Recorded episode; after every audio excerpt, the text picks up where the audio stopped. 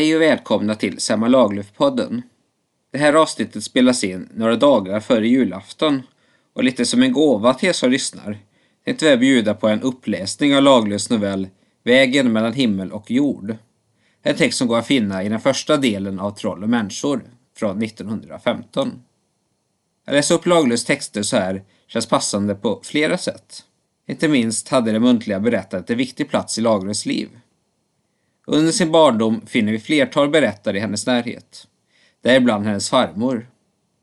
Fram till det att farmodern dog, skriver Lagerlöf i novellen Den heliga natten, hade hon varje dag suttit i hörnsoffan i sitt rum och berättat sagor. Jag kan ej minnas annat, fortsätter Lagerlöf, än att farmor satt och berättade och berättade från morgon till kväll. Vi barn sutt stilla bredvid henne och hörde på. Det var ett härligt liv. Inga andra barn hade det som vi. För Lagerlöf var det muntliga berättandet alltså en värdefull gåva och någonting som berikade livet. Och Lagerlöf inte bara tog emot utan gav också med sig av denna gåva. Hon var nämligen inte bara en skicklig författare utan också en uppskattad muntlig berättare. Då mellan åren 1885 och 1895 arbetar som lärare vid elementarläroverket för flickor i Landskrona exempelvis, ska hon enligt de som hon undervisade ägnat en stor del av tiden åt att berätta historier. Andras såväl som sina egna. Och det här har bland annat Lena Karlsson skildrat i sin barnbok Fröken Selma, där Selma Lagerlöf var skolfröken i Landskrona. Det muntliga berättandets arv går tydligt att se i Lagerlöfs författarskap. Genom hennes texters både språkliga form och innehåll. Allra mest påtagligt är det kanske i debutverket Gösta Berlings saga, där den ambiguösa jagberättaren gör sig påtaglig ett flertal gånger och talar till oss, liksom den muntliga berättaren till sina åhörare. Vad är till exempel det sista som denna berättare ber oss som läsare att göra? Jo, den säger Låt mig berätta ännu en gammal historia. Liksom om vi var där på plats. Och låt mig så på samma sätt berätta en gammal historia för er här nu. Som om jag vore på plats, även om det här egentligen är en inspelning. En berättelse med titeln Vägen mellan himmel och jord.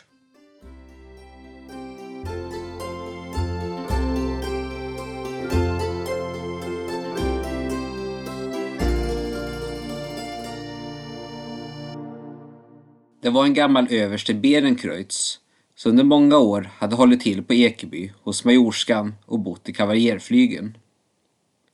Sedan majorskan var död och det hade blivit slut med det glada kavaljerlivet hyrde översten in sig på en bondgård i Stora Kilsocken som ligger vid södra änden av den långa sjön Löven. Han förfogade över två rum i övervåningen. Ett stort som han först kom in i och ett mindre. Bondfolket bodde på nedre botten och ingen mer än Berenkreutz höll till en trappa upp. Här levde han i lång tid, ända tills han hann sitt 75 år. Han var alldeles ensam, utan ens ha en tjänare som passade upp honom. Han städade själv sina rum, lagade sin mat så gott sig göra lät och ryktade och fodrade sin häst. Han sade att han ville ställa med allt detta själv därför att han bättre skulle kunna bli av med all sin lediga tid. Men det kan nog hända att den verkliga bevekelsegrunden var den att han var för fattig för att skaffa sig någon hjälp. Något att syssla med tycktes aldrig felas honom. Han hade tvärtom svårt att komma till slutet med alla de mångfaldiga arbeten som han hade för händer. I det stora rummet hade översten satt upp den märkvärdiga mattväven som han talade om och förundrade sig över i hela stora Kilsocken. Den vävdes inte i vävstol utan trådarna var utspända från vägg till vägg så att den som kom in i rummet kunde inte annat tro än att han hade råkat in i ett jättestort spindelnät. I den väven kröp översten fram och tillbaka under en god del av dagen. Satte in en eh, garnände här och en där. Prövade och valde för att få de rätta färgerna. Om översten hade fått den mattan färdig skulle nog ha kunnat tävla i skönhet med mattor från både Kandahar och Bushara. Men tillverkningssättet var för långsamt och han lär aldrig ha fått mer än ett par rutor sådana som de borde vara. I det inre rummet hade översten sin säng stående.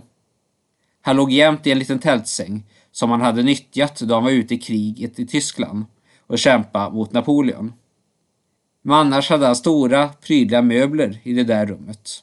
Där fanns bland annat en stor mahognysoffa, ett gammalt kraftbord på svarta ebenholtsben, en sekretär med mässingbeslag och en stor spegel i kupig glasram, prydd med sirlig förgyllning. Alla dessa möbler var komna från överstens hem och det bar vittne om att fastän han nu var fattig så hade han ändå vuxit upp på ett förmöget och förnämt ställe. Här i detta rummet låg översten och sov en sommarnatt. Då han vaknade vid det att någon med tunga steg kom gående upp för trappan till övervåningen. Den nattliga vandraren stampade så att det dånade genom hela huset. Stadigt och säkert, som han skulle ha varit en gammal soldat. Då översten slog upp ögonen var det så pass skumt omkring honom att han förstod att det ännu måtte vara mitt i natten. Men riktigt mörkt var det visst inte i rummet, för det var ju årets ljusa tid och som översten bodde en trappa upp och inga grannar hade höll han sig varken med luckor eller rullgardiner. Det är besynligt med de här bönderna, att de aldrig kan lära sig att låsa till förstudörren, tänkte översten. Han var en ordningens man och han låg jämt i strid med husfolket. Därför att de allt som oftast lade sig att sova utan att bomma igen om sig. Så hade det väl gjort ikväll också och nu hade mycket riktigt en obehörig kommit och trängt in i huset.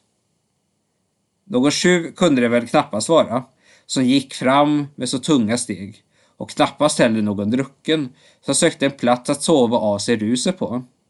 Men någon som inte hade där att göra var det i alla fall. För översten visste att ingen av husets folk kunde gå på det där taktfasta sättet. Översten låg och väntade. Att nattvandraren skulle fortsätta upp på vinden. Men i detta räknade han miste. Så snart de tunga stegen hade kommit upp för trappan marscherade de fram till hans egen dörr. Och han tyckte sig till och med höra att nyckeln vreds om i låset. Ja, det där kan du roa dig med, så mycket du vill, tänkte översten. Det har du ändå inte mycket för. Han visste förstås att han förra kvällen hade stängt sin dörr med både krok och hasp. Just därför att förstudörren i nedre våningen nästan aldrig var reglad. Var översten noga med att det skulle vara ordentligt stängt uppe hos honom. Men nu hörde han till sin stora häpnad att den främmande kastade upp dörren så lätt som skulle den ha varit fäst med en ullgardsände och klev in i arbetsrummet. Det var där som den stora mattväven var utspänd. Och det var ingalunda lätt att vandra igenom det, framförallt nu, då rummet låg i halvmörker. Nu kommer den där rackaren att trassla in sig i mattväven och ställa till en förfärlig oreda, tänkte översten och eh, var just färdig att springa ur bädden och köra ur karn. Nu hörde han hur en främmande gick genom rummet ända fram till sängkammardörren med steg så jämna som om han skulle ha gått i takt med en militärmarsch på Trossnäs fält och inte lät sig på minsta sätt hindras varken av ränning eller inslag. Överstens blickar flög mot dörren. Det var inte mörkare än att han med stor säkerhet kunde se att regeln var tillskjuten. Ja, nu ska du väl ändå inte komma längre, din han hejdade sig mitt i svordomen därför att dörren for upp och slängde mot väggen precis så som om den skulle ha stått olåst och en stark vindpust från ett öppet fönster hade kastat upp den. Då satte sig översten upp i sängen, togs till sin gamla dånande kommandostämma och ropade Verda! Så att det sjöng i väggarna. Än en gång var han färdig att rusa ur sängen för att svisa ut den främmande men han blev så slagen av förvåning att han blev sittande stilla. Han såg nämligen inte alls till den som hade kommit in i rummet. Dörren stod uppkastad på vid gavel. Översten kunde se in i nästa rum ända till de motliggande fönstren och ljus tillräckligt var det. Men jag såg inte ens så mycket som skymten av en människa. Men att någon var inne i hans rum, det var i alla fall tydligt. Han hade hört stegen, ända tills de stannade innanför tröskeln. Nu hörde han hur en främmande slog klackarna samman, kyldrande så att det klirrade i värjan och rasslade i gehänget och besvarade hans värdarop med ett Det är döden, överste. Det var en förunderlig stämma som hade talat.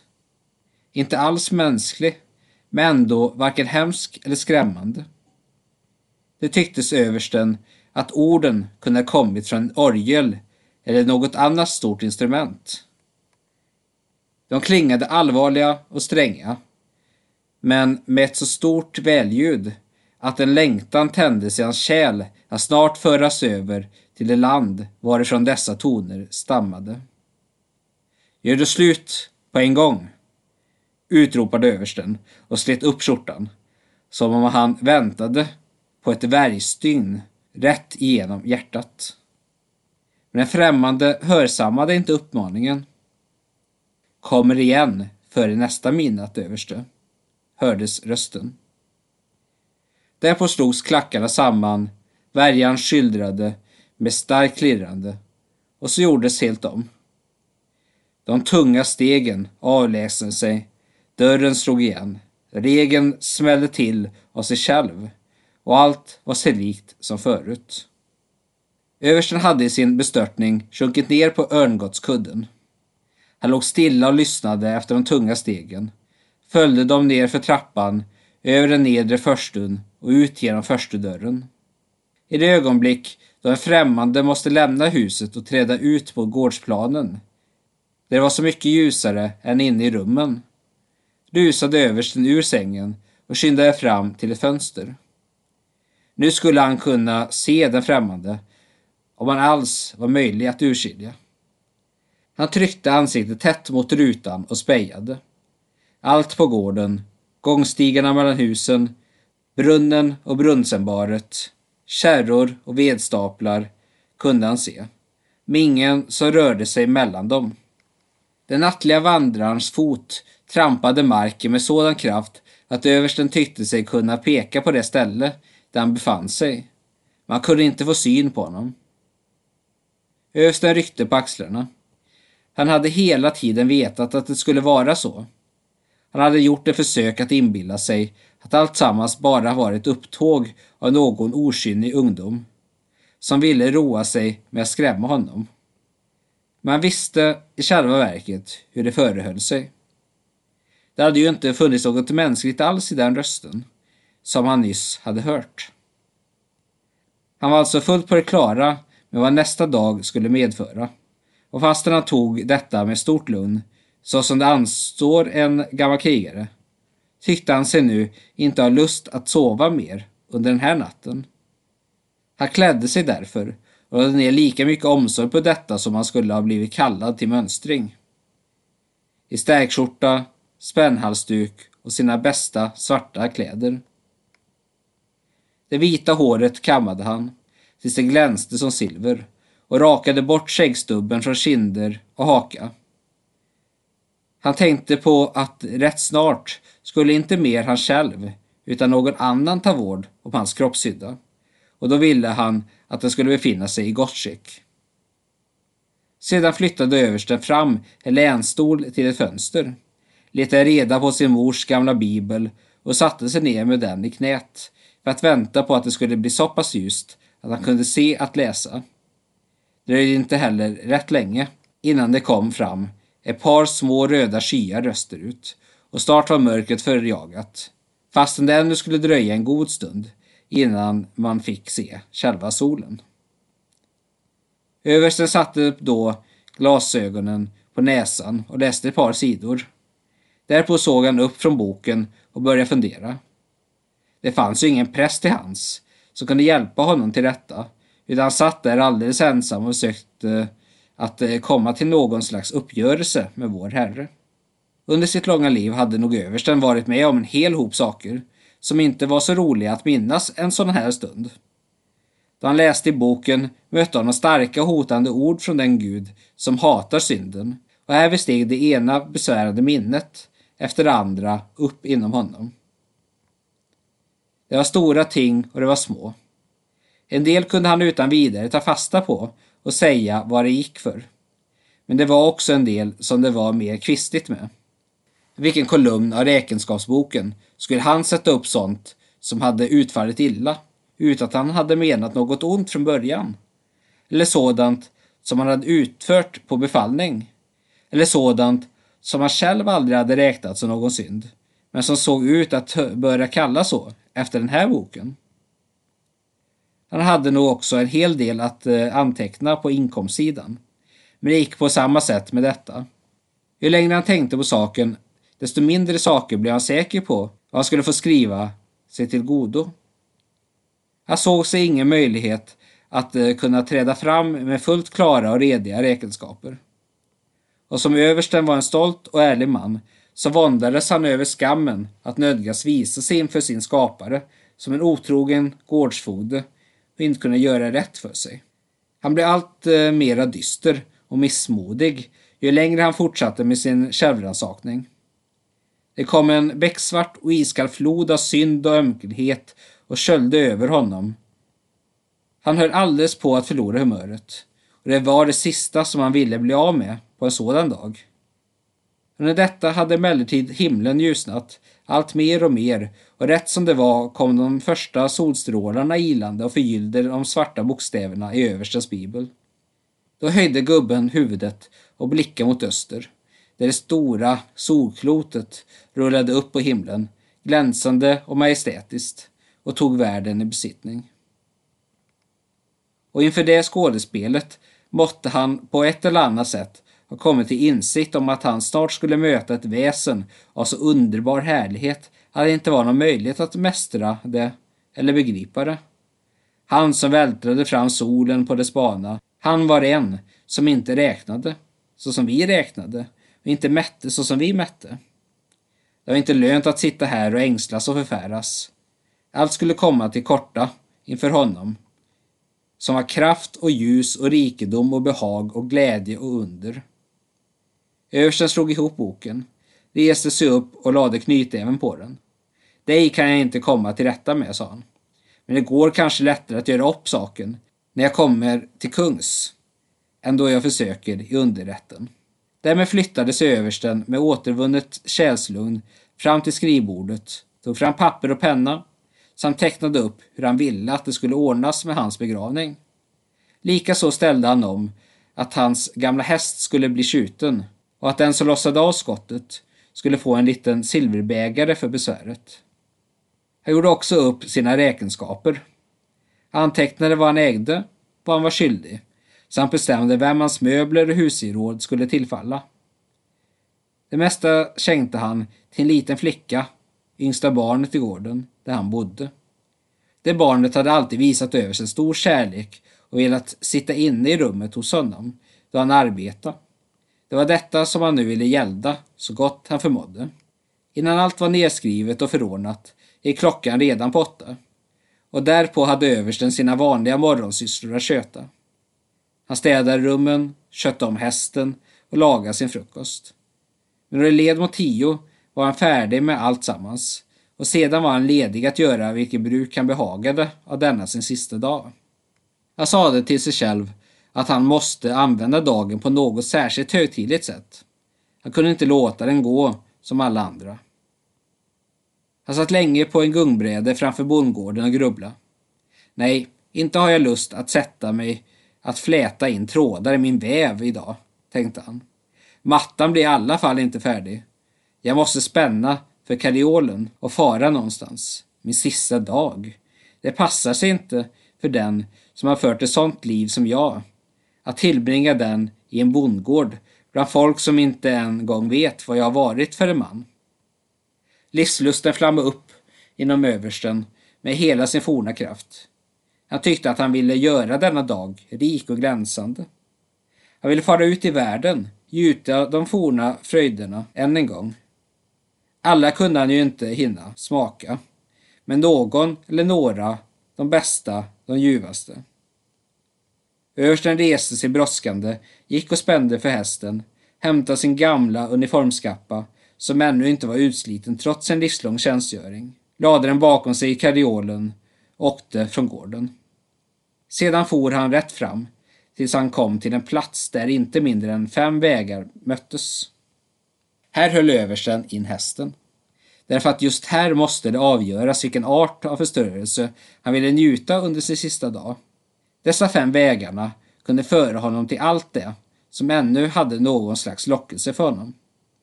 Mitt framför honom låg den stora landsvägen som gick till Karlstad. Han kunde följa den och vara där om ett par timmar. Några goda vänner från de gamla tiderna ägde han ännu i staden. Han kunde samla dem på gästgivargården och ställa till fest. De skulle kämta och berätta galna historier. De skulle dricka ädelt vin och sjunga Bellman. Och till sist skulle de också ta sig ett parti kort. Darrade inte översten längtan att en gång till i livet känna de blanka korten mellan sina fingrar. Han hade ju en gång varit den vilde Berenkreutz, den oförbättlige spelaren, som hade kunnat sätta ut på ett kort en hel förmögenhet.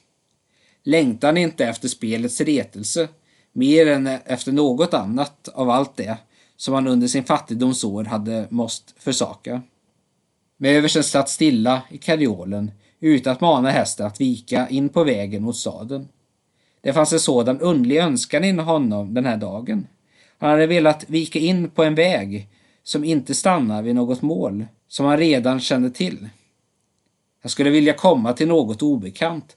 Han skulle vilja följa en väg som förde honom bort i det oändliga. Det var en orimlig önskan av översten, men den gjorde ändå så mycket att han vände sig från vägen mot Karlstad till en av de andra. Till höger om Karlstadvägen löpte en annan som skulle föra honom till Trossnäs. Till det stora exercisfältet där Värmlands jägare i de här dagarna var församlade till vapenövningar. Översten visste att om han, den gamle chefen, kom dit skulle regementet ta emot honom uppställt till parad. De gröna jägargossarnas ansikten skulle stråla mot honom för de kände nog till det rykte om tapperhet som omsvävade honom. Regementsmusiken skulle spela, trummorna dundra och den kära fanan svaja i luften över hans huvud. Han skulle råka på gamla officerare som hade kommit in i tjänsten redan på hans tid och med dem skulle han leva om sin äras dagar och höra sina gamla bragder dragas fram och prisas. Skulle inte översten på sin sista dag vilja påminnas om de tider då han brann av lust att offra sig för fosterlandet? Skulle han inte än en gång vilja stå inför dessa leder som han en gång förde till blodig kamp och ärofull seger? Fanns det något ståtligare sätt för honom att möta döden än där borta, där det fanns människor som kunde vittna om hans storhet och äras tid? Det såg ut för ett ögonblick som om översten ämnade styra hästen åt Trossnäs-hållet. Men mer blev det inte. Den där besynliga längtan som hade gripit honom, efter en väg som inte ett slut hade, som förde till något oändligt avlägset, tvang honom att vända sig åt annat håll. Det fanns till vänster om Karlstadvägen en allé med vackra träd som skulle på en kort stund föra Berenkreutz till traktens största herrgård om man bara så ville. Och på den herrgården regerade ännu idag den sköna, den farliga, den oemotståndliga höga dam som Berenkreutz en gång hade älskat. Hon var gammal nu, hon också. Men hon var ändå många år yngre än han och dessutom kunde en kvinna som hon aldrig upphöra att vara intagande. Berenkreutz visste att om han efter de långa åren av frivillig skilsmässa sökte upp henne på denna sitt livs sista dag skulle hon göra den till en dag i paradiset för honom. Så som i ungdomen skulle han gå med henne på bonade golv i höga salar. Rikedom och överflöd skulle omge honom, så som de omgåvo henne. Han skulle för en gångs skull komma bort från sin fattiga ålderdoms elände och ensamhet. Skulle han inte än en gång vilja se människor med fina åthävor, med mjukt klingande röster, med sköna dräkter, med förbindliga talesätt. Ska inte än en gång vilja leva bland sina likar? Ska inte vilja drömma om sitt livs enda korta kärleksdröm? Berenkreutz vände hästen åt detta hållet, men drog åter till sig tömmarna. Också denna vägen ledde till ett bestämt mål. Han kunde se var den slutade. Den förde inte långt bort till det obekanta, till det var han kände en djup försmak på sina läppar, fast han inte visste vad det var eller hur han skulle finna det. Det var en annan av vägarna som gick mot nordväst och om Berenkreutz följde den skulle han komma till gården som han hade älskat, till det största järnbruket i Värmland, till Majorskans och kavaljerernas Ekeby. Det bodde i de dagarna ingen som han kände. Men han visste att dörrarna skulle slås upp på vid gavel för den ryktbare kavaljeren, en av de sista i den skaran som hade gjort gården till ett hem för glädjen och sången, för dansen och äventyren. Kavaljersflygeln skulle ta emot honom med en hel värld av minnen. Den stolta forsen dånade ännu hotande förbi en smedja som Berenkreutz hade varit med om att uppföra. Skulle inte översten en gång till vilja skåda Ekebys skönhet och naturens härlighet vid lövens långa sjö? Ska inte vilja känna sina ögon fuktas vid minnet av de människor som hade gjort hans liv rikt och hans dagar korta? Skulle han inte vilja se dem på nytt träda fram för hans själs ögon? Den stolta majorskan, den sköna Marianne, den onde Sintram, den store, bedårande Gösta Berling. Berenkreutz skakade återigen på huvudet. Jag borde ha rest dit en gång, tänkte han, men inte idag. Nu måste jag fara till ett ställe där jag kan få stilla den där törsten som jag känner efter något som det är omöjligt att nå fram till. Han vände ögonen mot den sista vägen. Om han valde den så skulle han mot slutet av dagen komma till en liten gård som hette Lövdala och som ägdes av Liljekrona, den store fiolspelaren. Det var en liten obemärkt gård. Det enda som han där kunde få njuta av var en smula musik. Men då översten såg den vägen kände han på sig att åt detta hållet måste han fara. Den där längtan som hela dagen hade bott inom honom drog honom ditåt. Översten nästan undrade över att han valde på detta sättet, men fortsatte vägen framåt i alla fall. Han kom till Lövdala rätt sent på dagen, men blev mycket väl mottagen och ungfägnad. Liljekrona gladde sig åt att få råka en man från de märkvärdiga Ekebydagarna och som alltid då han kände sig på något sätt upplivad tog han fram fiolen och började spela. Men Liljekrona var nu gammal, han också. Och han spelade inte mer som förr i världen. Det lät numera som om hans spel skulle vara sökande och tveksamt. Man skulle ha velat säga att han ville leta sig fram till något nytt. Att han ville spela sig fram till klarhet i något som man grubblade över och som ord inte räckte till att tolka. Det fanns de som sade att Liljekronas musik inte var så mycket värd att lyssna till nu som förr. Och översten hade också hört ryktet om att han skulle ha gått tillbaka. Men då han nu satt och lyssnade på honom kände han med ens på sina läppar en försmak av något obeskrivligt ljuvt och lockande. Han förstod han, som skulle dö om några timmar, att Liljekrona höll på att staka ut en väg som inte någonsin kunde komma fram till ett mål. En väg som han ville bygga ända bort mot det oändliga. Och medan lyssnade till hur musiken banade sig fram genom tvivel och hinder för att nå längre bort än både tanke och aning, blev han så pass vek att han gav sig till att berätta för sin värld vilket besök han hade haft under natten och att han säkert visste att denna dagen var sista. Det var inte utan att Liljekrona blev rörd. Och det var därför att bror visste detta som bror kom till mig idag, sa han. Jag for inte hit för brors skull, sa Berenkreutz. Och hans ögon stirrade framför sig med en besynnerlig tom blick. Jag kom visst att fara hit till Lövdala därför att jag skulle få höra bror spela. Nu, medan jag suttit och hört på bror, har jag tänkt på att det var detta och ingenting annat som jag ville höra en sådan här dag. Det är något eget med musiken, säger Bror. Ja, visst, sa Lillekrona. Det har Bror rätt i. Det är något eget med musiken. Ja, sa översten. Det är kanske så att den inte hör riktigt hemma här på jorden. Herregud, bror.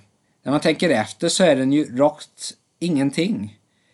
Man kan inte ta på den den kan inte säga något som man förstår och begriper. Tror inte bror att musiken är det språket som talas där långt borta?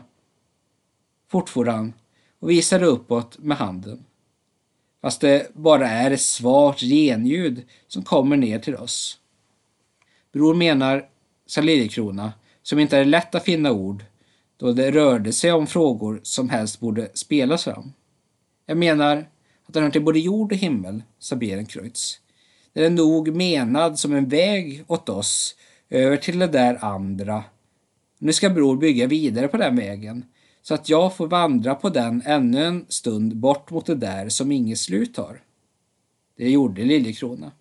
Han spelade sitt eget sökande och sin egen bävande undran och den gamle översten satt i den stilla sommarkvällen och lyssnade. Plötsligt sjönk han ihop och föll till golvet. Liljekrona skyndade fram till honom. Han blev upplyftad och lagd på en säng. Det är bra med mig, sa han. Jag går på vägen mellan himmel och jord. Tack och heder ska bror ha. Något mer sade han inte och ett par timmar senare var han död.